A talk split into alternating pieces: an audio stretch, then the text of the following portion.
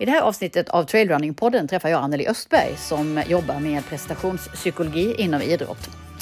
Vi pratar om eh, psykisk hälsa och ohälsa bland eh, idrottare och ehm, mycket tänkvärt och eh, viktigt, så lyssna gärna. Jag säger varmt välkommen till Trailrunning-podden, Anneli Östberg. Tack. Du, eh, vi ses idag för att prata om eh, psykisk hälsa och psykisk ohälsa hos idrottare. Och eh, anledning till att jag gärna vill prata med dig, det är att eh, du jobbar med eh, psykologi, eh, prestationspsykologi och eh, ohälsa inom idrott och eh, även inom näringslivet. Och eh, du har mycket erfarenhet av att jobba med orienteringslandslaget. Du har varit förbundskapten bland annat. Mm. Ja. Vem är du i övrigt? Berätta. Ja, jag är en eh, kvinna som älskar att jobba med individer, att få dem att utvecklas på alla plan. Inte bara rent sportsligt, utan även att må bra som människa. Och det ledde in mig på det här spåret att läsa KBT med idrottsinriktning. För jag märkte att vi skruvar på det tekniska, vi skruvar på det fysiska och när vi har nått en viss nivå på det och vi fortsätter skruva på dem, då skapar vi en inre stress hos de aktiva. När glappet blir för stort av hur de kan ta hand om var befinner jag nu, mig nu och var vill jag vara för att jag ska lyckas. När det glappet blir för stort så har de inga redskap. När man... Och då kommer ofta prestationsångest, ja. då kommer kraven på mig själv och där står vi tränare och har inte egna redskap för att kunna möta de aktiva. Det är alltså, för att ta ett exempel, när eh, ja, men inom orienteringen då som både du och jag är mest förtrogna med som idrottare, hur, eh, att jag står där och vet eh, vad jag behöver lära mig för att orientera i VM-terrängen. Mm. Eh, jag vet vilka fysiska krav som ställs, men jag upplever mm. att jag är inte där. Mm. Och jag kan också vara på väg där. Mm. Jag är på väg, jag har en bra plan. Men jag hör på min tränare, ibland kan tränare vara ganska så detaljfokuserade för de vill verkligen löparens bästa. Men det gör att de fastnar vid små detaljer och ska skruva på allt vilket gör att jag lätt kan få en känsla som aktiv att jag räcker inte till. Och egentligen i den här fasen så springer jag ifrån mig själv. Och det är det vi missar, att jobba med att utveckla individen. Deras kognitioner, alltså hur tänker jag, hur jobbar jag med mina känslor, vad har jag för värderad riktning just nu, är jag i balans med energin till exempel, eller har jag en obalans, vad beror den på, skruvar jag på rätt sak? Vi är inte där än. Nej. Vi behöver mer där. Mm.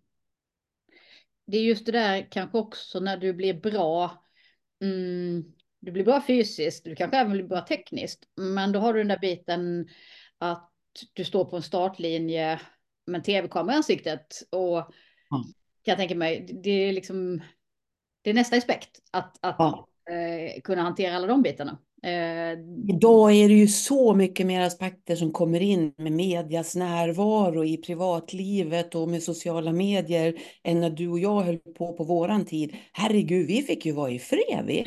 Det får, det får ju inte aktiva idag. De är påpassade hela tiden och alltid någon som snappar upp något. Och media som gärna då vill gå lite på sensation, gå på olikheter, skruva till det och så ska jag som aktiv stå till svars när de har blåst upp en fjäder till en höna. Så att det är så många bitar de måste hantera. Så det gick jag igång på, där vill jag utbilda mig. Sen gillar jag ju och jag gillar att kunna förtydliga jag jobbar mycket med att föreläsa för företag och regioner, och andra idrottsförbund, just med ledarskapet och hur vi kommunicerar, hur vi jobbar med att bygga team. För när vi bygger team och starka sammanhållningar och har en värderad riktning som vi tror på, då får vi automatiskt många mentala faktorer som ramlar på plats. Alltså, och då pratar vi även i en individuell idrott så är ja. det viktigt för ja. att den enskilda individen ska kunna hantera ja. det som behöver hanteras. Ja. Mm. Varför, varför pratar vi inte om vad som helst? Varför fäller vi inte vissa kommentarer hur som helst? Och, och ju mer vi är i tuffa idrotter med hög konkurrens. Du kan ta nu det som är så aktuellt, skidskytte, längdskidor, orientering med fantastiska landslag på så hög nivå och så få som får åka eller springa ett VM och världscup. Tro, tro sjutton det blir hög konkurrens och ju högre konkurrens det blir, om jag har gjort alla rätt som individ, jag har skruvat på det tekniska, fysiska, jag jobbar på mina mentala faktorer, ändå räcker jag inte till. Jag blir inte uttagen. Vems fel är det då? Mm. ja. Nej, det är en bra fråga. De andra skidåkarna som är ännu bättre. Ja. Deras fel. Nej, nej. Mm. Nej, så det, det, finns ju i dagens samhälle så mycket tillfällen som bjuder in till frustration. Mm. Mm. Absolut. Det blir inte det här lugnet liksom. Nej. Eh, blir det mindre tid att få vara i fred? Alltså mindre sammanhängande tid att få vara i fred kanske också. Jag tänker ja. bara en sån sak som att du scrollar ditt eh, flöde i sociala medier är ju ett sätt att inte vara i fred. Ja, det säger att du scrollar i dina sociala medier och någonstans får vi rapporter om att om du scrollar dina sociala medier kan du under en dag se 200 perfekta bilder på en kropp. Mm. Mm. Om jag vid 200 tillfällen bara genom att jag scrollar, jag är inte ens medveten, min, min hjärna bara registrerar, så här är en perfekt idrottskropp beroende på vilka jag följer. Mm. Och så här ska jag perfekt bete mig, så här ska jag perfekt äta, så här ska jag perfekt göra. Då blir det normbilden som är normalt, som inte alls är normalt. För det är inte många som överhuvudtaget orkar med den livsstilen, ser ut så och gör sådana saker. Så att vi får ju en sån skev bild som vi hela tiden mäter oss emot. Det blir som du säger, det blir aldrig lugn och ro någon gång. Nej. Jag har faktiskt tänkt att jag skulle göra en podd med dig i flera år. Men nu eh, blev det tyvärr väldigt mycket tyvärr och fruktansvärt så att eh, det blev aktuellt på grund av att eh, Emilia Rangefelt eh, inte finns med oss längre och det som drabbade henne. Mm. Ehm, det, det vill jag bara lyfta här, att det är an, kanske anledningen till att det här händer just nu, men det är ett aktuellt ämne som berör jättemånga och nu när vi pratar så pratar vi generellt om ja. Eh, liksom, ja. mm, helheten, om, om det som är mm. vanliga problem bland idrottare och så. Mm. Eh, men jag läste här i en eh, avhandling var det va? Av Cecilia Åkesdotter som har jobbat med mm. Universitetsförbundet mm. också, att Eh, I en studie hon hade gjort så var en femtedel av elitidrottarna som hon hade tittat på inom olika idrotter eh, drabbade av depression eller ångest eller hade varit det. Ja. Alltså det är ju det är en hög siffra. Eh, ja. Och eh, vi har ju haft många idrottare genom åren som har vittnat om eh, psykisk ohälsa, både i Sverige och internationellt. Mm. Eh, stora stjärnor som ja, man kanske i vissa fall, vilket jag upplever har blivit lite vanligare, att man under karriären som Naomi Osaka, duktig tennisspelaren, säger att nej, jag tar en timeout nu. Mm. Annars har det väl kommit efter karriären, som i ja. till exempel Robin Södling som var tvungen att lägga av. Eh, skyller på en körtelfeber, en fysisk sjukdom, medan i själva verket mår han inte bra mentalt. Men det här var tio år sedan drygt va? Och då blir det liksom, ja, men jag vet inte, det, det känns som att det blivit lite vanligare att våga prata om det i alla fall. Ja. Eh, men just att det är så vanligt inom elitidrott, är det, är det liksom, vet, vet du om det är vanligare inom idrott eller inom Nej, men jag håller ju med med den bilden som uppenbarligen Cecilia har fått fram. Och mm. Jag tycker också att det har hänt något under pandemin och efter pandemin. Ah, okay. Jag kan ju bara gå till mig själv som rådgivare. Som idrottspsykologisk rådgivare så har det hänt något under pandemin och efter pandemin med våra gymnasieungdomar. Mm. Att det blev hemundervisning, att tävlingar kom bort. Jag fick inte åka på vissa läger längre. Olika idrotter drabbades olika mycket. Mm. Men det blev ett liv som tappade glädje, lust. Mycket av det som var roligt, som man får dopamin och driv av, föll bort. Kvar blev massa måsten och egna krav på att fixa det här själv. Mm. Jag har fått en ökad totalbelastning på de som söker hjälp hos mig. Varje vecka så har jag flertalet, upp till tio stycken per vecka, som jag är tvungen att tacka nej till och det gör ont i min mage. Det är en ungdom som skriver till mig, håller ofta på med idrott, jag mår inte bra Anneli, det är jobbiga tankar, jag får problem med ångest, jag har höga krav på mig själv. De har redan gjort en liten kort analys om vad problemet är. De vill bara redskap och vi räcker inte till. Mm. Mm.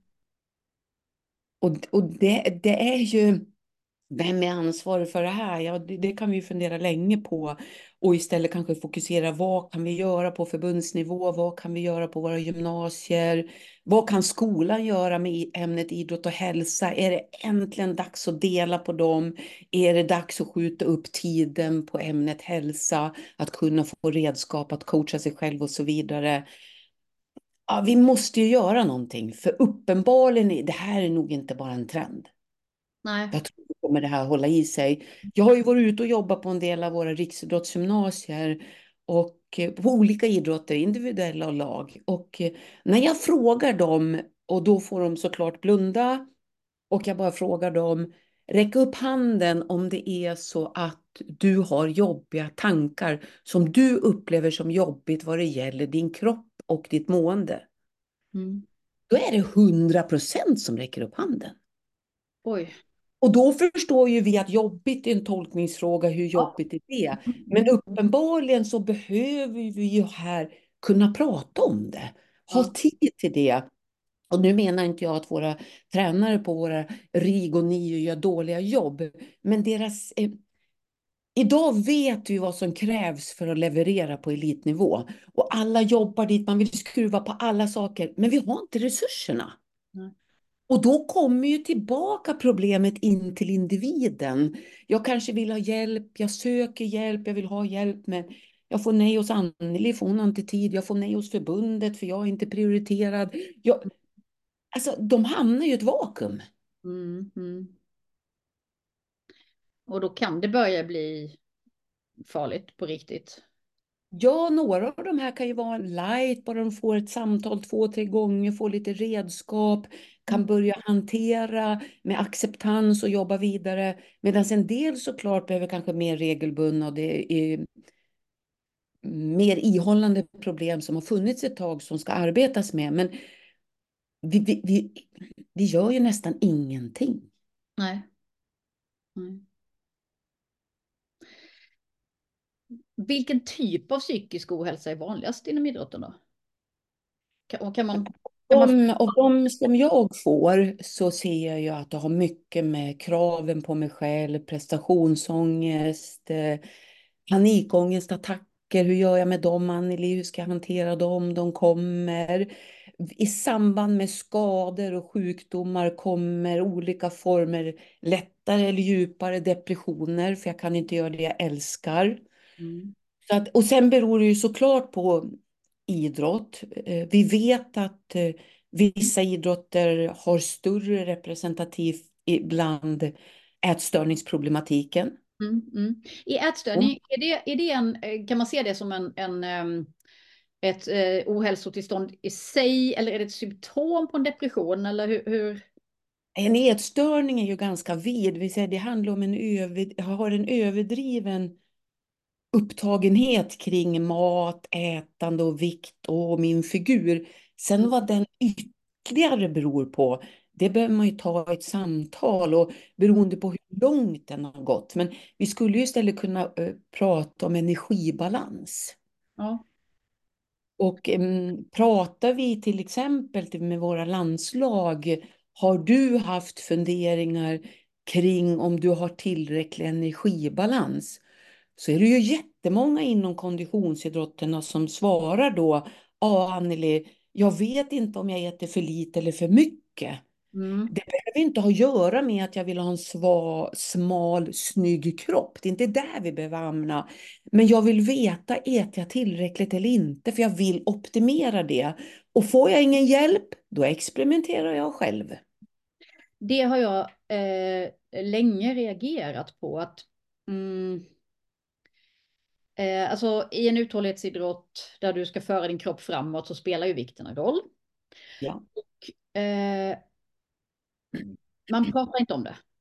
alltså när jag eh, ja, men, växte upp som orienteringsungdom, då det var liksom mer så här gigantiska portioner, gundegröt, hela det här.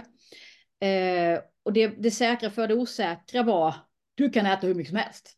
Upplevde jag. Att det var budskapet till alla orienterande ungdomar. Att, att liksom, så, för det var säkrast att säga det. Ja. Eh, men sen tycker jag att man genom åren så har man ju sett individer där i alla fall jag på en lekmannamässig nivå skulle säga att mm, minus två, tre kilo skulle jag skillnad där. Ja. Men det finns aldrig någon som vågar säga det. Eh, upplever jag egentligen. Jag, jag stött på en tränare som vågade ta det snacket med någon. Men, men det är liksom, och det är oerhört vanskligt för man har också hört elitidrottare vittna om att en förflugen kommentar, ätstörning. Ja. Jag förstår ju tränaren också. Men eh, någonstans upplever jag precis det du säger. Att annars börjar du experimentera själv. För du förstår ja. kanske du förstår såklart själv att ja, jag skulle nog liksom, ja, prestera bättre om jag går ner ett kilo eller tre. Mm. Och då börjar du experimentera och då kan det gå jättedåligt. För att du mm. behöver ju en vägledning i det. Alltså mm. det, upplever jag som ett ganska stort svek liksom, eh, mot ja. aspirerande idrottare. Att eh, ja. Ja. inte våga ta jag, jag, jag håller med dig helt. Ett tag var det verkligen förbud, förbjudet att lyfta det. Man får inte prata om det. Klara Edlund, mm, legitimerad psykolog, har skrivit, finns på vår hemsida Svensk orientering, vår, ska vi kalla det för dokument, policy, riktlinjer kring just mm, rubriker som vad är nätstörningar inom idrotten, vad är riskfaktorer, vad är det för varningstecken? Där kan ni gärna gå in och titta om ni vill ha hjälp och så. Klara är ju en otroligt klok kvinna och kan ju också trycka fram det du säger. Det är klart att vi måste våga prata. Som tränare måste man våga fråga. Men ifrån att man kommer just till det här till form. Om vi delar upp det. De som behöver formtoppa sig. Mm. Eh, och behöver kanske vill gå ner något kilo, VM, OS och så vidare. Det ska ju ske med professionell hjälp. Och när man börjar prata om sånt ska det ske i trygga grupper grupper där vi känner varann och vi ska ha, ha sådana som experter på området med. Så de känner att här finns det kunskap att ha. Där man kan prata fördelar, nackdelar och att vi är olika och så vidare. Men innan vi kommer dit så har vi också den här individen som är 14 år som kommer till träningen, som kinderna börjar sjunkit in på, börjar bli trött, har ingen gnista, ler inte lika, lika länge, sitter och petar i maten och ingen frågar någonting. Nej, exakt. Istället för att tränaren kommer så tidigt som möjligt fram och säger Hej, du kom. Mm. Du, jag har saknat ditt leende på slutet. Hur mår du? Mm. Mm. Kanske får jag ett kort svar första gången. Nästa träning kommer jag tillbaka igen. Mm. Du, när vi sitter och äter mellis så ser jag att du väljer bort smörgåsen. Hur har du det? Att våga stanna kvar och våga säga det man ser. Mm. För så länge de experimenterar själv och ingen talar om att vi ser faktiskt vad de håller på med, så får de ju inte heller något annat sätt att kunna tänka på saken och då är det ju risk att det går väldigt långt. Är det bättre att? Vad sa du? Det är bättre att uttrycka sig så än att börja med, vilket jag gissar är vanligare, liksom, eh, du ser väldigt tunn ut. Alltså att du, vet du, förstår du vad jag menar? Ja, nej, nej, nej, det tycker jag man kan lite ja. klagande tänker jag. Om man... Ja. Mm. ja. Och, och, och, ganska ofta så är det inte det som behöver vara målet från början, att jag skulle bli tunn eller jag skulle gå ner i vikt. Det kan ju vara andra saker en sak som jag ofta upplever bland unga individer, de som är otroligt plikttrogna, vill göra rätt och riktigt, har lärt sig hur man äter frukost, mellis, lunch och middag och så vidare, har sina rutiner, är duktiga på att följa dem och så skruvar jag upp träningen tre timmar i veckan. Mm. Men jag ändrar inte vad jag äter. Mm. Det är klart att det blir annorlunda på kontot då och då har vi ju missat där vad händer när vi gör den här förändringen? Då måste vi skruva här borta och är du med och vad gör vi? Mm. Så att, att, mm, ska vi vara riktigt ärliga, vi räcker väl inte riktigt till? Nej. Och det är ju jättetragiskt. Ja. Men det, det någonstans låter det som att det här är någonting som varje klubb, varje förening måste liksom vad, vad är bäst? Är det egentligen att ha en policy, ha, ha regler, ha riktlinjer eh, innan någonting händer? För att då kan man luta sig mot dem. Eller ja, man, har, man har ju varit med om exempel genom sin idrottskarriär där kollegor i, i eh, landslaget har drabbats av sådana här saker. Och ja, men alla pratar alla, med den här personen, alla, men pratar med den här personen. Alla i laget vet om det. Ja, ja. försöker man mm. prata någon, man så försöker prata med, men då, då är det också ibland i vissa fall att föräldrarna ställer sig bakom dottern, mm. att det blir så konflikt. Och det, mm. det är så oerhört svårt för en ledare eller tränare i en klubb att ja. försöka ta i det här. Ja. ja. Jag vet ju, vi har jobbat inom Svenska orienteringsförbundet och eh, vi är ju på gång med någonting väldigt bra. Eh, jag hoppas att de kommer i mål längre i år. Ehm, en frustration att vi länge har vetat vad vi behöver göra. Vi har också vetat egentligen hur vi vill göra det. Men mm. resurserna räcker inte riktigt. Det ska in läkarkompetens, det ska in samtalstider, det ska finnas ett backup-system där individerna bor och så vidare. Det mm. finns ett bra tänk, men vi är inte riktigt i målen. Jag tror de kommer komma dit. Och vi är ju inte minsta förbundet. Det finns ju mindre Nej. förbund som vill likväl, och det finns större förbund som inte heller har kommit så långt. Så att vi behöver ju hjälpa varandra. Vi sitter ju i samma sits allihopa. Så föreningar i det här, gå in, skriv ut orienteringsförbundets tankar, riktlinjer, börja sätta i ungdomskommittén, i juniorkommittén, läs igenom det, fundera för i mm. alla föreningar finns ju det här.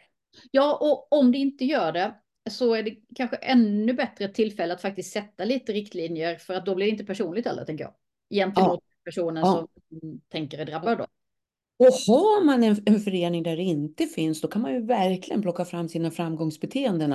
För det finns ju framgångsbeteenden hos ledare och föreningar som gör att det här stävs tidigt. Ja. Eh, alla är lika, lika mycket värda. Alla kommer till tals. Vi har olika kroppar. Vi har övningar där olika kommer framåt. Vi favoriserar inte vissa. Vi delar inte ut priser bara efter prestation i tidig ålder, utan vi har liksom ett pedagogiskt tänk, mm. framförallt på ungdomssidan, som gynnar en kultur av att hälsa går före prestation. Och det, det du säger är egentligen att man måste börja tidigt med det här väldigt tidigt. Ja, ja, ja. ja. Mm. Fråga 10-11-åringar, de har ju full koll på sin kropp, många av dem. Mm. Mm. Ja. Så, um, och, och, då kan man tänka så här, men vi kommer inte ha tid, vi kommer inte göra, men gör något litet. Famna, ta hand om det, ta upp det. Mm. Bjud in någon som kan prata med mindre grupper eller hela grupper. Men då måste man ju också ha en plan sen för att föra det vidare. Ja. Så att um, ehm, RFC så är ju superbra att samarbeta med. Mm. De har resurser att... Ja, men och de, de vill också verkligen jobba med helheten i föreningarna och kolla vad det är som vi kan utveckla. Och de har ju också resurser att man kan gå ihop några föreningar. Ja, ja, ja okej. Mm. um... eh, hur bra är samarbetet över idrottsgränserna, över förbundsgränserna? Jag tänker att vi är ju några eh, idrotter som har samma, mm, vad ska man säga, likartade fysiska krav. Ja. Längd, orientering, eh, löpning, ja, det finns ju några stycken. Ja, och, vi kan ju titta på uthållighetsidrotten, orientering, längdskidåkning, cykling, långdistanslöpning, estetiska och bedömningssporter som gymnastik, konståkning, balettdans, simhopp. Alltså där idrotten där vikten har stor betydelse. Vi har ju egentligen samma problematik om vi nu bara pratar om energibalansen. Mm. Och där har vittnats i slutet i media om mycket saker om önskemål till förändring från ledarskapet. Så att eh, jag vet ju också där att RF eh, och även SOK såklart försöker liksom Ja, men det finns stora tränarkonvent och där man tar upp och pratar över linjen. Men oftast är vi ju där och vi pratar och det är jätteriktigt. Men sen kommer vi ju tillbaka till vår vardag. Och så mm. har vi säcken fulla och alla vi som jobbar oavsett om vi är förbundskaptener eller landslagstränare, vi får inte tiden att räcka till. Och någonstans måste jag ta bort och vad är lätt att ta bort? Jo, det som är lite jobbigt. Ja, ja, ja. Men vad kan man göra som, eh, ja, men som klubbkamrat, vän, anhörig? Vad, vad är liksom för det första eh, varningsflaggorna på psykisk ohälsa? Ätstörning kanske är lättare att se på utsidan på något sätt eh, i Mm. beteende. Om jag tänker eh, en depression, hur, hur vet jag att min lagkompis inte mår bra liksom? Men framförallt vara observant på förändringar i beteendet. Man känner, vi känner ju varandra som vänner i klubben och när någon har antingen blivit mer inåtbunden, tyst, blicken neråt, säger inte så mycket på träning, att det har blivit en förändring. Mm. Eller någon som har blivit mer utåtagerande som inte har varit det. Att där någonstans liksom få en liten varningsflagg och en i samband med skador och sjukdomar behöver man ju verkligen liksom pyssla om och ta hand om och ta lite extra samtal. För Mm. det suger. Ja, gud ja. Jag älskar och det jag vill. Ja, så är man jättesur. Så att, nej, nej, men självklart, eh, långvariga sådana är ju, det som händer är också att du hamnar ju oftast utanför sammanhanget, utanför gruppen och gemenskapen. Och träna Ja. alternativt i simhallen eller du får, ja. ja, ja. Mm, mm, Också om du börjar märka skillnaden på utseende, man börjar göra andra föränd- förändringar, så reagera på en gång. mm, Hej, hur är det? Kom. Kan inte du och jag ta en fika tillsammans? Mm, Krångla inte till det, finns bara där och lyssna. mm, Eh, På tjejer såklart så när mensen börjar strula eller de har börjat äta p-piller och de mår skit och humöret går upp och ner och liksom, hur är det? Hur går det? mm, mm, mm. Hur eh, ska man veta gränsen då? Mellan att man är lite deppig för att VM-testerna gick åt skogen eller eh, killen har gjort slut eller eh, eh, ja, jag har varit förkyld i tre veckor Mm. till att det är liksom någonting som är allvarligt. Mm. Jag tycker den är jätteviktig. Det är viktigt den du tar upp, liksom att mm, var går gränsen där och skulle det finnas någon slags normalhet och vad, oj, oj, oj, oj, oj, nu är det riktigt allvarligt här och, och då hellre så här, då är det ju bättre om man har frågat i tid. Om Ja. det pojken har gjort slut och så får man prata om det och så kan man då vad behöver man acceptera, vad är jobbigt, känner jag mig dumpad och så vidare och så kanske ha någon att snacka med det om och känner man att du, jag kanske inte är den du vill prata mest med, skulle du vilja prata med någon mer? Då är det bättre att lämna över till en professionell som jobbar vidare som får göra bedömningen. Mm. Men oavsett var de befinner sig så behöver de ju få en förståelse för sin egen situation. Och inte liksom ehm, eh, någon som, nej men du, det där behöver du inte tänka på så. Tänk bara positivt, vet du, går det där över? Men vadå, tänk positivt, det var en krig uppe i skallen. Mm, mm, Så att um, egentligen oavsett vad det är så våga möta, våga prata och märka att nu räcker jag inte till. Du vill ha någon annan att prata med. Ska vi se hur vi kan lösa det här? mm, Så att ehm, för, för det där kan ju gradvis också, det går ju gradvis och kan bli sämre så att även den som äger depressionen själv, som har den, mm. kanske inte känner att det börjar gått och gått väldigt länge för till slut blir det ett normaltillstånd. Ja, just det, det är ju sant. Mm, mm, Så att jag tänker egentligen oavsett vad jag är så behöver jag samtal. mm. Och det är prata som är grejen. Att sätta ord på hur jag känner, hur jag upplever saker. Ja, men också sen att få göra övningar och att Mm. träna på de övningarna jag får. Eh, Om Mm. jag behöver jobba lära mig acceptans. Så att ju- just nu har jag jättejobbiga tankar och känslor. Det är negativa tankar. Det drar ner min ond spiral. Tycker jag är en riktig jävla sopa. Jag är fet, jag är ful, jag klarar inte av skolan. eh, Jag är sist på intervallträningarna och nu slår till det med hmm, hmm, hmm, mig på träningarna. Mm. Alltså oavsett vad innehållet är, att, att jag får kunskap och vet du, det där är, för det första är det naturligt att tänka så. Och det beror på de här sakerna. Och så Mm. får jag kunskap om vad det beror på. Och sen kan jag få en övning. När det händer, då kan du göra så här. Och så får den gå ut och träna på det och så kommer den tillbaka och så är det ett nytt samtal. Hur har det gått? Har du fått tränat? Ja, både på intervallerna och på det och i skolan. Och så skulle jag ha en redovisning i skolan och då klibba hela munnen igen och då fick jag träna på det. Wow, vad bra! Mm. Vad är vi nu? Vad vill du lära dig mer om? Att mer då i samtal få den här nyfikenheten. Att wow, det här är precis som att jag utvecklas tekniskt och fysiskt. Mm. Har jag slagit i knät, då får jag rehabsövningar för knät.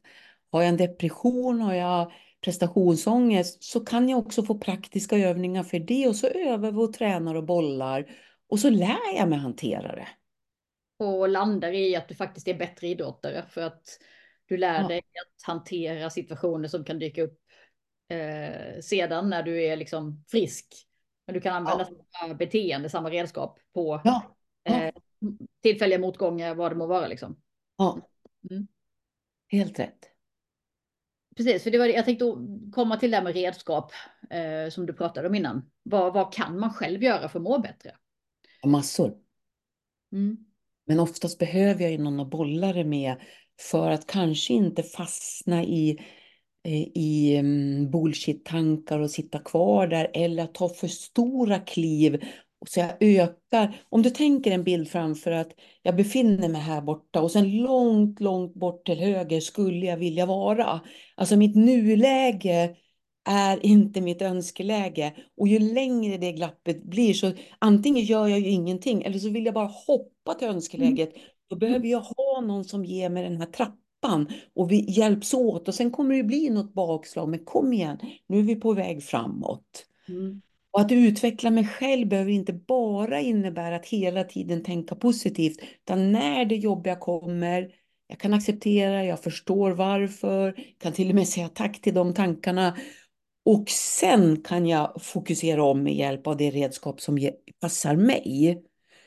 Och när du väl har upp, när du väl har märkt det som individ, wow, det var ju inte farligt att vara så här hård mot mig. Nu förstår jag att det var inte farligt, det var ju bara tankar. Och då kunde jag förstå det och så kunde jag få det här gjort. Då blir det en otrolig kraft. Mm. Mm. Du förstår den individen som på riktigt så här, nu kan jag coacha mig själv. Mm. Mm. Mm. Det är ju som en formtoppning fysiskt. Ja. ja, absolut. Eh, någonstans låter det också som att det, det ställer lite det här kravet att klara av att ta ett halvt steg tillbaka och bli lite Ja. objektiv till sig själv. Just Ja. det du tankar, att du, ja men här kommer jobbig tanke. Det är ju väldigt lätt att leva sig in i den fullt ut. Ja. Omfamna den och bara, oh, så Ja. är jag. Mm. Och ju yngre jag är, när jag är mellan 12 år upp mot en 20-25 år så är det svårare. Mm. Jag är i nuet, jag är mina känslor, jag är mina bilder på sociala medier, jag bara sugs in i det och så är det och väldigt svårt för att kliva ur. Så det är ju en av sådana redskap att lära sig att kliva ur och se sig själv lite på sidan om och sina tankar från sidan om. Och, Mm. och vem behöver inte det? Det behöver ju inte bara de unga, de be, det behöver ju du och jag gå ibland. När man blir engagerad. Ja. Nej men så är det ju. Eh, det är ju... ehm, eh, ja, ja. Det, det är då man behöver eh, stänga ner datorn, stänga ner telefonen, bege sig ut någonstans och sen eh, bara få liksom den där. Så. Ja, ta en pausknapp. Du märker, du märker, shit nu är jag nere i en fallgrop, det här leder mig bara neråt. Du inser då att jag tar en promenad, jag skiftar, jag gör någonting annat, får lite distans. Och så kopplar jag mer på de logiska delarna i hjärnan istället för känslor och jobbiga tankar. Så, men vad är det jag vill? Jag kanske andas ut, jag gör några andetag. Men det är ju det här jag vill, vad behöver jag då göra? Mm. Men många av oss när vi får lite för mycket prestationskrav så hamnar vi ju mycket i planera, planera. Vi tänker att vi är på gång, vi gör och vi sätter, åh, tänk om det vore så bra. Och då ännu mer talar vi om det här önskade läget. Det skulle ju vara så här och så här. Men vi agerar inte. Nej, okej. Okay. Utan vi planerar och planerar och tänker om det skulle vara bra. Ja. Men vi vågar inte riktigt agera och göra de där första tränade stegen som vi behöver göra. För då har jag också en chans att misslyckas. Jaha. Är du med på vad jag tänker? Inte riktigt man hamnar i att eh, man vet vad man behöver göra. Ja. Och nu pratar vi för sin mentala hälsa liksom. Ja. Men att du inte vågar göra det för att det blir en prestation kring det här också. Ja. För börjar jag verkligen agera och göra mot det jag behöver, om jag mm. då misslyckas, vad finns då kvar liksom? Så jag kan ju bli ett väldigt, jag kan ju fastna i ett analyserande och planerande. Jag är på gång, jag är på gång, men jag kommer inte in i agera. Okay. Jag skjuter upp saker, jag skjuter upp, jag vet jag borde göra det här, men jag skjuter upp det. Precis som många hamnar i med fysisk träning. Ja. Mm. Oh ja. Mm. ja. Och då är ju liksom min målbild av min fysiska träning lite för långt bort. Den som nu vill börja träna efter nyår och tänker så här, men jag sprang ju förut, så jag ska springa en mil och sen har jag inte sprungit på fem år. Mm. Då förstår ju du och jag att den där milen, det är liksom för långt bort. Mm. Så jag kommer hitta på så mycket ursäkter, ursäkter. Eller så försöker jag i två veckor och så var det skitjobbigt och så slutar jag. Mm. För då har du sprungit varje dag. Ja, och så blir det lite too much. Och jag behöver liksom krypa närmare mig, bli ganska naken mot mig själv. Lite så här, in, det handlar inte om att vara negativ, utan nej men vad är mitt nuläge, inte mitt önskeläge. Hör Anneli, du kanske ska börja med en kilometer jogg. Promenera sen. Nästa dag kan jag ta två kilometer jogg och promenera och blanda. Och så stegrar jag upp det här så att jag får känna att jag fixar det här, jag är på gång, det här kommer lösa sig. Mm om någon kommer till dig, eh, mm. eh, en idrottare som har eh, liksom hamnat lite, ja, men hamnat lite galet i, sina, i sin mentala hälsa, var mm. börjar du då? Var jag börjar? Jag börjar med att, att liksom, mm. hjälpa den här individen. Det beror lite på var individen befinner sig. Om det är en individ som ska till OS om två veckor. Mm. Eller om det är en ledare som ska på ett stort ledaruppdrag om två veckor. Då får vi verkligen börja hands-on här och nu vad är det du behöver? Vad är nuläget? Vad ska det vara om två veckor? Då blir det väldigt akut att jobba. Är det en som söker hjälp som Anneli, jag har problem med, då såklart börjar jag med en tidslinje, berätta för mig om, den andra får ju också berätta, men det blir ju mer hands-on. Ja. Här blir det, har vi mer tid, så berätta om mig så jag får historiken. Vi behöver inte gräva i massa gammalt, men ge mig lite, um, när börjar du med ditt idrottande?